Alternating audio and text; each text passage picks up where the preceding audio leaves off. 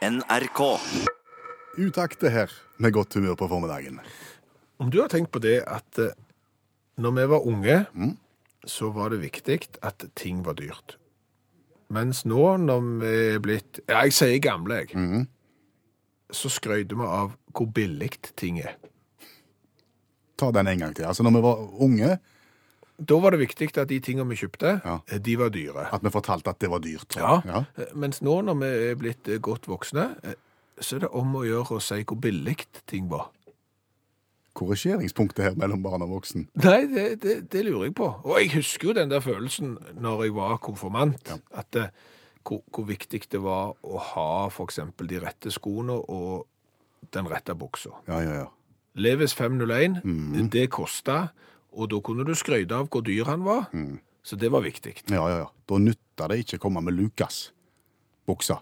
Nei, for du hadde ikke Levis, nei. Du hadde Lucas. Ja, Lukas var omtrent akkurat det samme. Som mor. Sa mor mi, og det kosta en tredjedel. Ja. Men, men nei. Ja, så du brakte jo ikke med deg det ut i skolegården og fortalte liksom hvor eh, billige Lucas-buksa Nei, nei, nei, nei, nei. Det var akkurat det samme som når jeg hadde den OL-jakka som ble brukt i OL i, i 1984. Mm. Når jeg fikk den i 1986. så sa vi heller ingenting om pris. Nei. Nei, Nei. men- mens nå, du har jo jobbet sammen med meg i, i, i ganske mange år, og, og hvor mange ganger tror du du har hørt eh, at jeg har kjøpt et eller annet som er rasende billig? Hele veien. Ja, Hele veien. Ja. Og, og jeg er ikke den eneste. Nei, nei, nei. Bare tenk på de du kjenner. Altså, ja, du kan bare gå inn i familien. Altså, hvis noen i, i, i de du kjenner veldig godt, har Ja. vært ute og kjøpt en kjole, Skal vi ikke bare si kona di, ja, det kan vi godt gjøre. Ja. Og da begynner en gjerne med å si 70% før en har vist den fram. Nøyaktig det samme hjemme hos oss. Ja, det har du. Før du i det hele tatt har vist det produktet du har kjøpt, så skal du fortelle hvor rimelig det var. Hva er det? Jeg er ikke sikker. Er det, er det en sånn sjølrettferdiggjøring? At du egentlig har en dårlig samvittighet for at du har kjøpt i det hele tatt? Hvis jeg kjenner litt på min egen del, så i utgangspunktet så er jeg litt gnien på en del ting, så jeg får litt dårlig samvittighet hvis jeg har brukt mye penger på en del ting. Ikke musikkutstyr, eksempel. Det kan være så dyrt som det bare må være. Men eh, eksempel dress. Og da kommer jeg til deg og forteller at eh, jeg har kjøpt dress til 750 kroner, rasende billig. Og når jeg da topper den med den dressen jeg kjøpte i Kristiansand til 450, mm. så får jo eh, du høre det. Da har du ikke snakket om den til 143 fra Kina. Nei, men den tok jo fyr. Så et sted går grensen. Ja, så, så det er jo grenser for hvor, hvor billig det kan være. Men det er jo kanskje fordi at jeg har sett på livets regnskap. Og så har jeg sett at eh, en dress til 450 kroner for et restestativ eh, fort kan være både fine og gode nok for meg som ikke bruker eh, mye dress. Og det er ingen vits i, når du ser på alle forsikringene, alle strømregningene og alle andre ting jeg skal betale, at jeg hiver pengene ut av vinduet og kjøper meg en dress bare fordi den begynner på B og slutter på oss. Nei, det er sant. Men, men, men du har jo også eksempler med voksne folk som kjøper steindyre møbler, eksempel.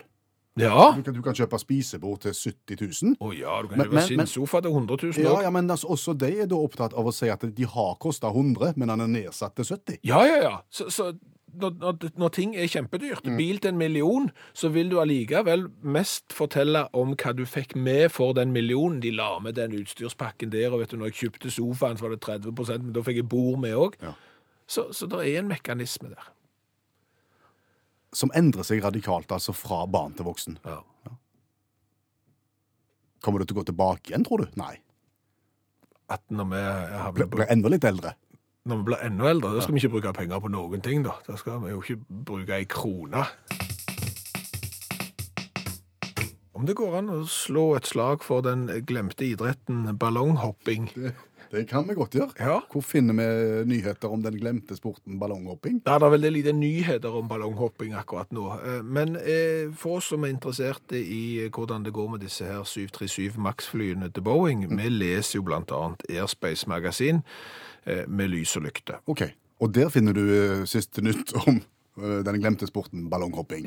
Ja, der finner du jo mest inn nyheter om, om fly og romfart, men så er det jo da en artikkel om ballonghopping òg, eh, som jo var Nei, jeg kan ikke si det var storidrett heller. Nei, ok. Nei, det vil være å overdrive. Men det var en idrett. Det var, det var en idrett på 2030-tallet, eh, og du kan si bakgrunnen for ballonghopping, den er òg veldig interessant. Come on.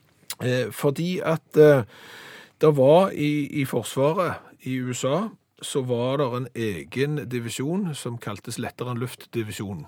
Hva drev lettere enn luft-divisjonen med? Eh, mye, eh, blant annet vedlikehold av luftballonger og luftskip. Jaha. Eh, og da var det jo Corbett, Hoffman og Adams, de var jo sentrale i lettere enn luftdivisjonen, eh, det sier seg selv. De fant jo da opp eh, en sånn hoppeballong. Hvordan fungerte den? Ja, det er en stor ballong. Ja. Eh, Fem og en halv meter i diameter, rommer 85 kubikkmeter med helium eh, eller eh, annen lett gass. Og det de brukte den til da, det var at liksom, hvis de bare passet på at de hadde en person som hadde akkurat samme vekt som denne her ballongen kunne løfte, Aha. så kunne de bruke den personen til å inspisere luftballonger og luftskip for å se om det var skade. Å ja, så han på en måte seilte oppover til ballongen, den Ja. ordentlige ballongen, Ja. og så at ting var greit? Ja. Akkurat, men han føy ikke lenger, liksom. Nei, han var jo da sikra i bakken, Ja. eh, så folk holdt han igjen. Men det var jo en billig måte å, å gjøre det arbeidet på. Mhm. Så var det jo noen som kom på vi skulle ikke bruke disse herene personlige hoppeballongene til noe kjekt heller. ok. Og dermed så oppsto Eh, Ballonghopping. ja. Ja, men du har sett, du har sett eh, bilder fra månelandingen. Ja. One giant leap for mankind, one small step og det der greiene der. Når de da hopper på, på, på måneoverflaten med veldig liten gravitasjon, sant?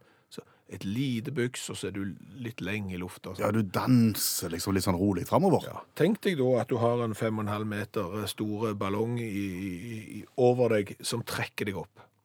Og som akkurat har bitte litt mindre løftekapasitet enn du veier. Så tar du et lite byks, så stiger du til værs, og så bare synker du rolig ned mot bakken igjen. Ja, men Hadde de 100 meter med ballongløp, da, for eksempel? Nei, det var mye hinderløype, for eksempel. At du skulle- Hinderløype? Ja, du skulle passere hinder, du kunne hoppe over en bil, du kunne hoppe over eh, forskjellige lister, og du skulle liksom bevege deg da over forskjellige hinder. Det, det var ikke uvanlig. Og, og det som jo var Altså, denne idretten hadde støtte blant prominente personer òg. Å ja? Ja, altså, sir Arthur Conan Doyle, har du hørt om han? Sherlock Holmes-forfatteren. Ja, han hadde stor tro på denne idretten, for han hadde sjøl kommet på et forslag om å utstyre vanlige gående folk med ballonger i ryggsekk. For å lette gåingen. Ja, hydrogenballonger i ryggsekk, dermed så gikk du lettere på vei til jobb. Og dette trodde jo folk òg når de så denne her ballonghoppeidretten at kunne bli stort som framkomstmiddel. Du kunne med et par-tre buks så kunne du hoppe hjemmefra til jobb, eksempel. Og hadde du kontor i fjerde etasje, ingen problem. Et lite hopp, så var du i mål.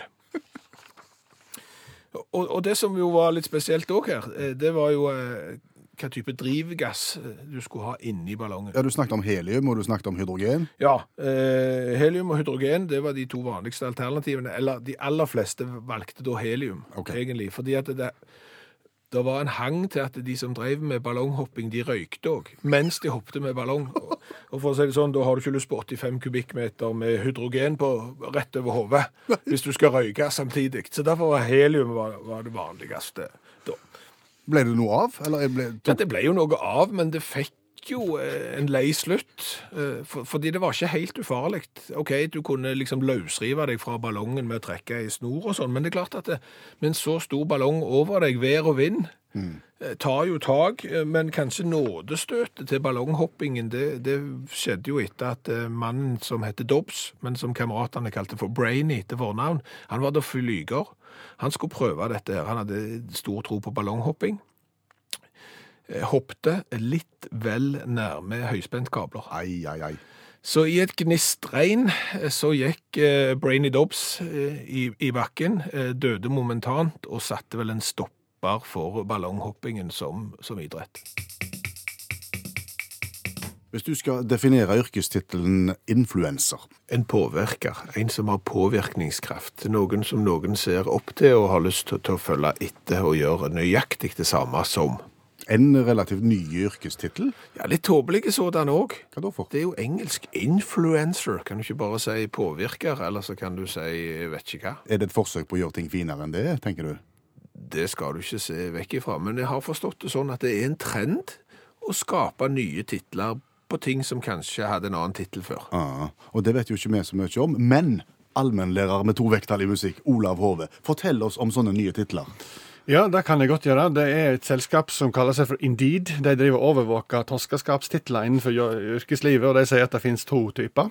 Det ene er de som finner på helt nye titler, som eksempel eh, førsteinntrykksprodusent, som er resepsjonist. De sier ordet resepsjonist er helt på vei ut.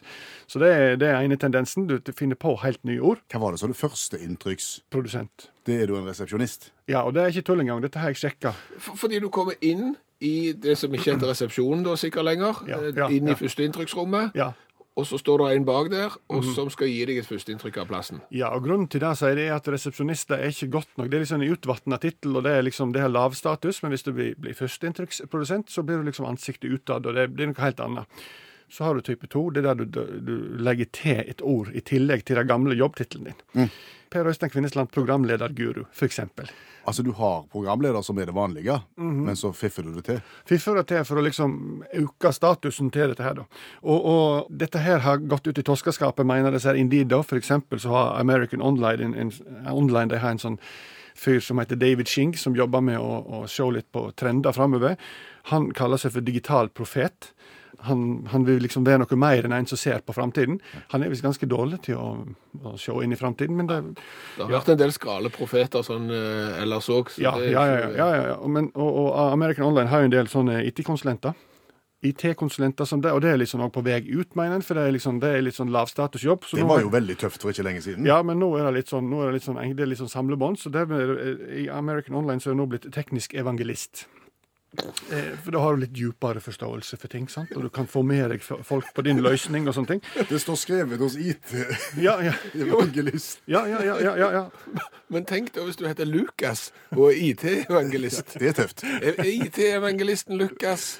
Ja, men, men eh, og fra, fra kristendommen henter en mange slike ting. da. Eksempel dette med å være administrator for en nettside òg. Litt lav status. Da bare oppdaterer du nettsida, men du er jo egentlig ansiktet utad. Det er du som liksom, og da er du blitt digital yppersteprest som eh, i stedet for nettsideadministrator. Det er en bibeltrend her. Ja, det er det jo òg, men det er òg en litt sånn eh, asiatisk trend. fordi at Microsoft de sparka utviklingssjefen sin for et par år siden. Ansatte William Bunce. Han ble ikke utviklingssjef, men han ble innovasjonssherpa. Skjerpa. Ja. Og Det er jo Tenzing Norgay. Det er jo han som skal bære all bagasjen opp til Mount Everest for eh, noen eh, rike Ja, ja, ja. Men, men Sherpa er, er på vei opp. Og, og det samme gjelder da når det kommer til sosiale medier. og sånne ting, Så er ordet sensei brukt en del. Sosiale medier sensei. Hva er det? Det er liksom en slags lærer. Japansk lærer. sant? Så hvis de kan si allmenn-sensei framover, så hadde jeg satt pris på det. Og, og, og sosiale medier ninja, det er liksom det store. I 2018 så var det 90% økning av jobber som inneholdt ninja. Altså japanske attentatmenn. Hvis du legger det til jobbtittelen din, så får du flere søkere. Jeg er jo da fotograf-ninja, jeg. Ja. Ja, det gjelder jo ikke bare teknologijobber. Det smitter jo over på resten, dette her òg. Eh, selskapet CompuClean, som faktisk rengjør eh, datakomponenter, de, de har masse glassfasade, så de trengte rett og slett en vindusvasker. Ja. Søkte etter det, fikk ikke noen som ville være, men så endra de jobbtittelen til transparensforbedringsfasilitator og fikk 300 søknader. Det er liksom Ingen har lyst til å være vaskedame. Da vil du heller være parkettkosmetolog eller linoleumsterapeut. Riktig. Tusen takk, allmenn-ninja med to vekttall i musikk. Olav Hove. Kan vi snakke litt om tastatur? Det kan vi godt. Ja. Eh, kan du forklare f.eks. For bestemor mi, som ikke er så bevandra i dataverden, eh, hva skift-tasten er på et tastatur og kan gjøre? Det kan jeg godt gjøre. Altså I utgangspunktet så har du jo masse bokstaver på et tastatur. Og trykker du på den bokstaven, så får du den bokstaven. Stemmer det? Eh, I utgangspunktet da som liten bokstav. Ja! Ja. Men hvis du holder nede skift-tasten samtidig og trykker på den samme bokstaven, så får du stor bokstav. Ja, så hvis du skal skrive Bjørn Ola, eksempel, så vil du holde inne skift-tasten når du skriver B, for da får du stor B, og så tar du vekk skift-tasten, og så får du Jørn. Ja. Ja. Alternativt så kan du gå opp til tallene. Hvis du bare trykker på tallet 1, for eksempel, så får du 1. Men hvis du trykker skift 1, så kan du få et utropstegn. Vet du hva, det her er, det er så forbilledlig forklart. Det er mulig det er kjent. Ja, det kan godt være. Ja. Det var skift-tasten. Det er veldig godt eh, forklart. Og hvor på tastaturet finner du skift-tasten? Den finner du ved å se ned til venstre på tastaturet. Mm. Jeg sitter og ser på tastaturet nå. Ja, og, og, og hva er det eh, symbol av på skift-tasten din? Mm, Ja, på min så er det uh, ei pil oppover. Ja. Og på noen står det faktisk skift òg, vet jeg. Ja, ja, stemmer det. Eh, Hvis du flytter blikket ditt nå fra nede til venstre mm. på, på tastaturet ditt, helt over til motsatt side på nøyaktig samme rekke, helt til høyre, hva ser du der? Der ser jeg samme symbol. Ja! Pil oppover. Det er en skifttast, jo, men den er dobbelt så stor. ja. Har du brukt den noen gang? Aldri. Nei, ikke jeg heller. Og plutselig en dag, uten å tenke på det, så finner jeg ut at den skift-tasten som jeg alltid bruker, nede til venstre, som du har skissert, den fungerer jo alle tiders utmerket. Så er det en skift-tast på motsatt side som er dobbelt så stor, som jeg aldri har brukt. Jeg har ikke trykt på den noen gang. Og den fins på alle tastatur. Ja, så vidt meg bekjent. Alle de som vi har iallfall. Ja. Og hvorfor er det det? Nå blir du litt sånn ivrig i stemmen. Ja, ja, ja. en- Engasjerer dette? Ja, jeg skal, gå, jeg skal tone det ned bitte litt. Hvorfor er det det? Og, og hvem i all verden er det som bruker den? For du bruker den ikke. Nei. Jeg bruker den ikke. Kan det være keivhendte? Venstrehendte, unnskyld. Har det noe med det å gjøre? Det kan jo godt hende, men hvorfor må de som da er venstrehendte ha en dobbelt så stor skifttast som oss som er høyrehendte? Det er jo heller ikke rettferdig. litt-. Kanskje de har litt tungt for det? Ja, nå får du på deg de venstrehendte. Nå må du slutte å provosere. Nei, men det jeg jo alvorlig lurer på Det sitter sikkert noen som, som kan skrive fortere enn du og meg på, på tastatur, for vi er jo litt mer sånn LFTF-metoden. Leit fintrykk. Ja, og, og F. Ja. Etterpå der igjen, når vi har trykt feil.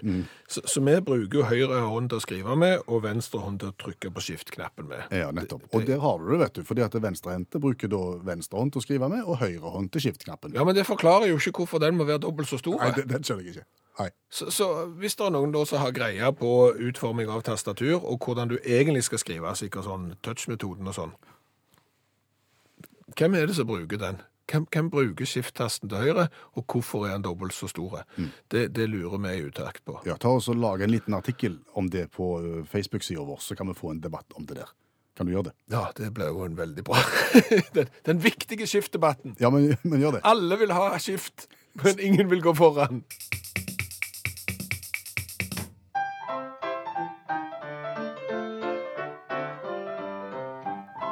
Nå dagens revyviser. Ja, oppsummere sak fra nyhetsbildet ved hjelp av en 27 sekund lang sang. Se for deg følgende. Du går om bord i et fly eh, på London City Airport. Ok.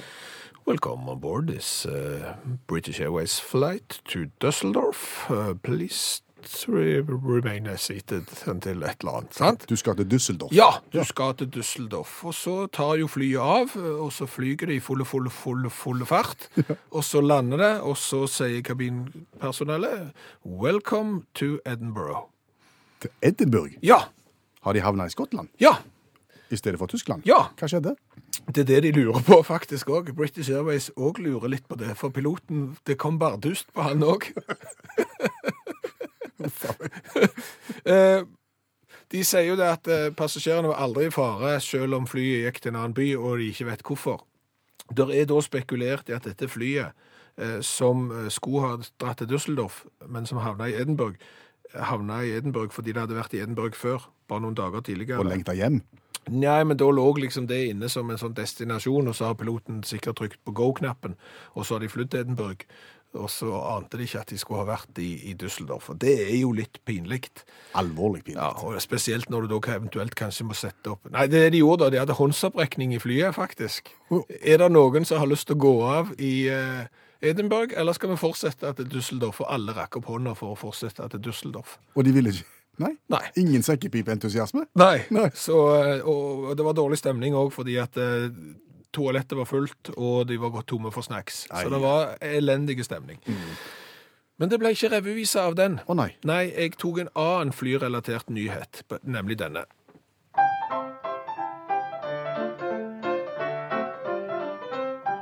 Naken kvinne hun kan spinne, mens en naken mann kan fly, hvis du stoler blindt på mannen fra Jakusk.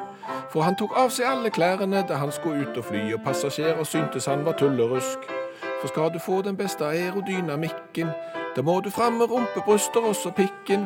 Når flyselskapet syntes nakenflyging var en slett idé, nå spinner nakenmann på avisforside.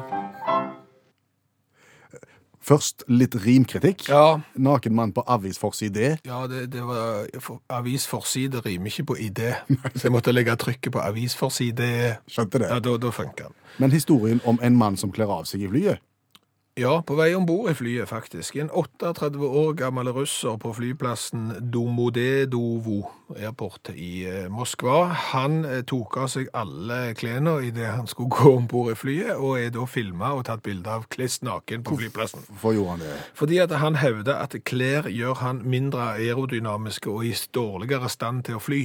Ja, men han er jo inne i flyet. Ja, det er jo det jeg òg tenker, at her har du misforstått bitte litt. Hvis du drar til en flyplass, så er det ikke for at du skal fly sjøl.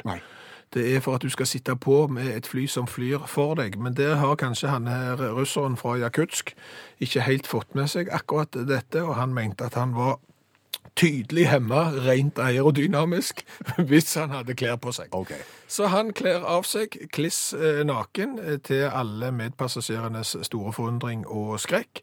Heldigvis så kommer det jo da flyplasspoliti og tar eh, hånd om han. Er det blankt brennevin inne i bildet? Nei, han var klin edru, men det er kanskje en diagnose likevel, og det kan du eh, kanskje skjønne. Men flyet det gikk som det skulle, men uten naken passasjer. Har du erfart eh, følgende? Eh, Du pusser tennene så godt du kan, Ja. med tannkost og tannkrem, og så fikk du plutselig lyst på appelsinjuice. Og så drikker du appelsinjuice, Ja. og så smaker det en bøy. Ja, Han smaker helt utbegripelig vondt. Det bare stemmer ikke. Noe har skjedd. Ja. Jeg er ikke helt bombesikker på hva som har skjedd, men, men selve konseptet liker jeg. Ko- Konseptet med at, at tannkrem får jusen til å smake bøll. Ja, eh, ikke akkurat jus, men jeg tenker at her bør jo tannkremprodusentene bare komme på banen så fort som mulig, og ut... eh, ja, eh, utvinne, heter det ikke. Nei. Utvikla. Utvikle en tannkrem eh, som eksempel gjør at sjokolade smaker vondt. Ja vel. Ja, men altså, jeg tenker jo, jeg er jo glad i sjokolade, og jeg burde jo spist mye mindre av det, for eksempel. Det er mye annet jeg burde spist mindre av og hvis jeg da hadde hatt en tannkrem som gjorde at eh, når jeg har pusset tennene, så smaker ikke det produktet som jeg liker veldig godt, og som jeg ikke har godt av, eh, smaker vondt, så hadde jo jeg spist mye mindre av det. Jo da. Så det er jo en genial måte da å, å slanke seg på. Det, for det må jo være mulig. For hvis du ser eksempel med graviditet, da skjer det jo et eller annet sånn hormonelt med kroppen, uten at jeg har helt eh, greie på hva som skjer. Men da smaker jo for eksempel eh, sjokolade plutselig som råtten fisk, og det beste måltidet i hele verden, det er riskaker uten noen ting på. Er det sånn? Har du erfart dette? Ja, men altså, folk som, eh, damer som er gravide får jo helt rare matlyst av det. Noen spiser jo sågar avispapir. Så, sånn at det, det burde jo være mulig å få fram et produkt som gjorde at det som du syns er godt, men ikke har godt av, ikke smaker så godt. Men det betyr jo da at du, når du tenker at nå skulle det vært godt med noe du ikke har godt av, så må du gå og pusse tennene. Ja, ellers så har du sånn langtidsvirkning på tannkremen. At morgen og kveld holder. Eh, Puss morgen og kveld, eventuelt på formiddagen, og du har ikke lyst på sjokolade før til helga. Okay. For eksempel. Ja. Så kan du skifte tannkrem i helga eh, til- en som gjør at det smaker godt med sjokoladeøl, og så kan du pusse tennene med, med den som gjør at all chips, sjokolade og alt som er vondt for deg, smaker vondt. Genialt. Har du tenkt lenge på Ja, jeg har faktisk det. Det høres ikke sånn ut, men jeg har det. Hva har vi lært i dag? Vi har jo lært at det er de som bruker den høyre skift-tasten på tastaturet. Ganske mange, faktisk. Ja, men oss som skriver bare med ei hånd, vi har aldri brukt den. Nei. Så det er de som skriver tohånds, og som skriver touch. Ja. Men vi har ikke lært hvorfor skift-tasten på høyre side av tastaturet er dobbelt så store som den til venstre. Nei, for det spurte vi også om. Ja. Jeg har faktisk fått, det er, det er folk som tar dette på alvor. Jeg har fått bilde av en tekstmeldingskorrespondanse mellom eh, en og en datamann, som vet hva man blir kalt. Eh, og spørsmålet hvorfor er skift-knappen til høyre dobbelt så stor som den venstre. Usikker, sier datamann. Dette må graves i. Ja, det ser du. Ja. Det ser du. Blir ikke IT-guru for ingenting. Nei. Eh, Så har vi jo lært det at når vi var unge, så var det viktig at ting vi kjøpte var dyrt. Ja, vi måtte si det. Ja, vi måtte skryte av at vi hadde kjøpt dyr jakke, men når du blir eldre, så skryter du av hvor billig eh, ting var. Da er det viktigste at det er kjøpt på 70% Ja. Så diskuterer vi litt hvor skillet går. Vet ikke helt. Nei. Eh, Så har vi jo lært at ballonghopping var jo en idrettsgren på 2030-tallet som folk hadde stor tiltro til, annet forfatter Sir Arthur Conan Doyle, eh, han som skrev om Sherlock Holmes. Han var jo en stor tilhenger av ballonghopping. Ja, så da hoppte du litt, med litt sånn månesteg. Du hadde en ballong hengende opp forbi deg. som hadde akkurat bitte litt mindre oppdrift enn det du veide. Dermed kunne du hoppe høyt og langt og lande silkemykt. Denne idretten hadde som sagt folk stor tiltro til, helt til Brainy Dobbs eh, hoppet i høyspenten og døde i et gnistregn. Det var på en måte endelig for for... gikk lufta litt ut av den idretten der, kan du si. det kan du si. Det gikk luft ut av ballongen. Eh, Så apropos rare idretter, Terje Olsen har sendt oss en melding. Han foreslår da et forbedringspotensial for fotball, nemlig toball. Toball. Ja, eh, to dommere på samme banen, elleve mann på hvert lag, men begge dommerne har med seg egen ball. Og begge ballene skal være i spill hele veien. Så blir det straffe, corner, eh, frispark med den ene ballen, så er fremdeles den andre ballen i spill. Kaos. Ja, kaos. Og stakkar de linjedommerne som skal se om det er offside med den ene. Og, ja. Men eh, tanken er god. Eh, Så har vi jo lært det at British Airways klarte å fly fra London til Edinburgh når de egentlig skulle fly fra London til Düsseldorf. Ja, det er det som kalles autopilot. De, de, er litt- de er litt usikre på hvorfor dette har skjedd. Og, og det er klart at i disse Boeing 737 Max-tider, så er jeg ikke helt sikker på om et flyselskap skal være helt utydelige på jo, vi skulle ha flyttet til Düsseldorf, men vi fløy til Edinburgh, og vi er ikke helt bombesikre på eh, hvorfor, men ingen av passasjerene var i fare. Troverdigheten er kanskje ikke så stor. Hør flere podkaster på nrk.no podkast.